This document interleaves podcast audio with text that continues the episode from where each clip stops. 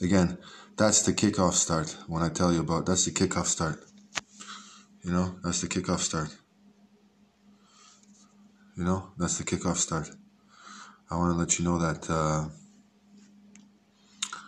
what are you guys expecting with three versus one at the kickoff start?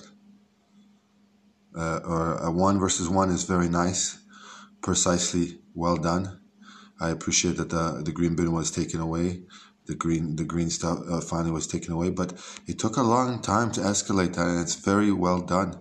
It's very, I, I admittedly showed you that it wasn't being done on YouTube. It's very well done.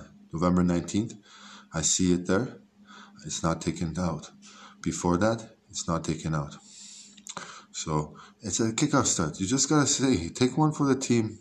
Take one for the team. Like I say, uh, revise it and take one for the team. I don't care what you guys wrote down there. It's Valentine's Day. You're choosing psychotic dates for uh, for court cases. You're trying to say you're trying to you're trying to put, adjourn it to and waste my time. I don't have that kind of time. I have more things, more precious things to do than to worry about these type of stupid incidents. These are not incidents for uh, uh, a man who's graduated. These are these are incidents for people who just should be there as well.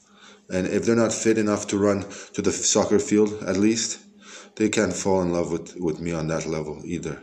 Just so you know, they just can't.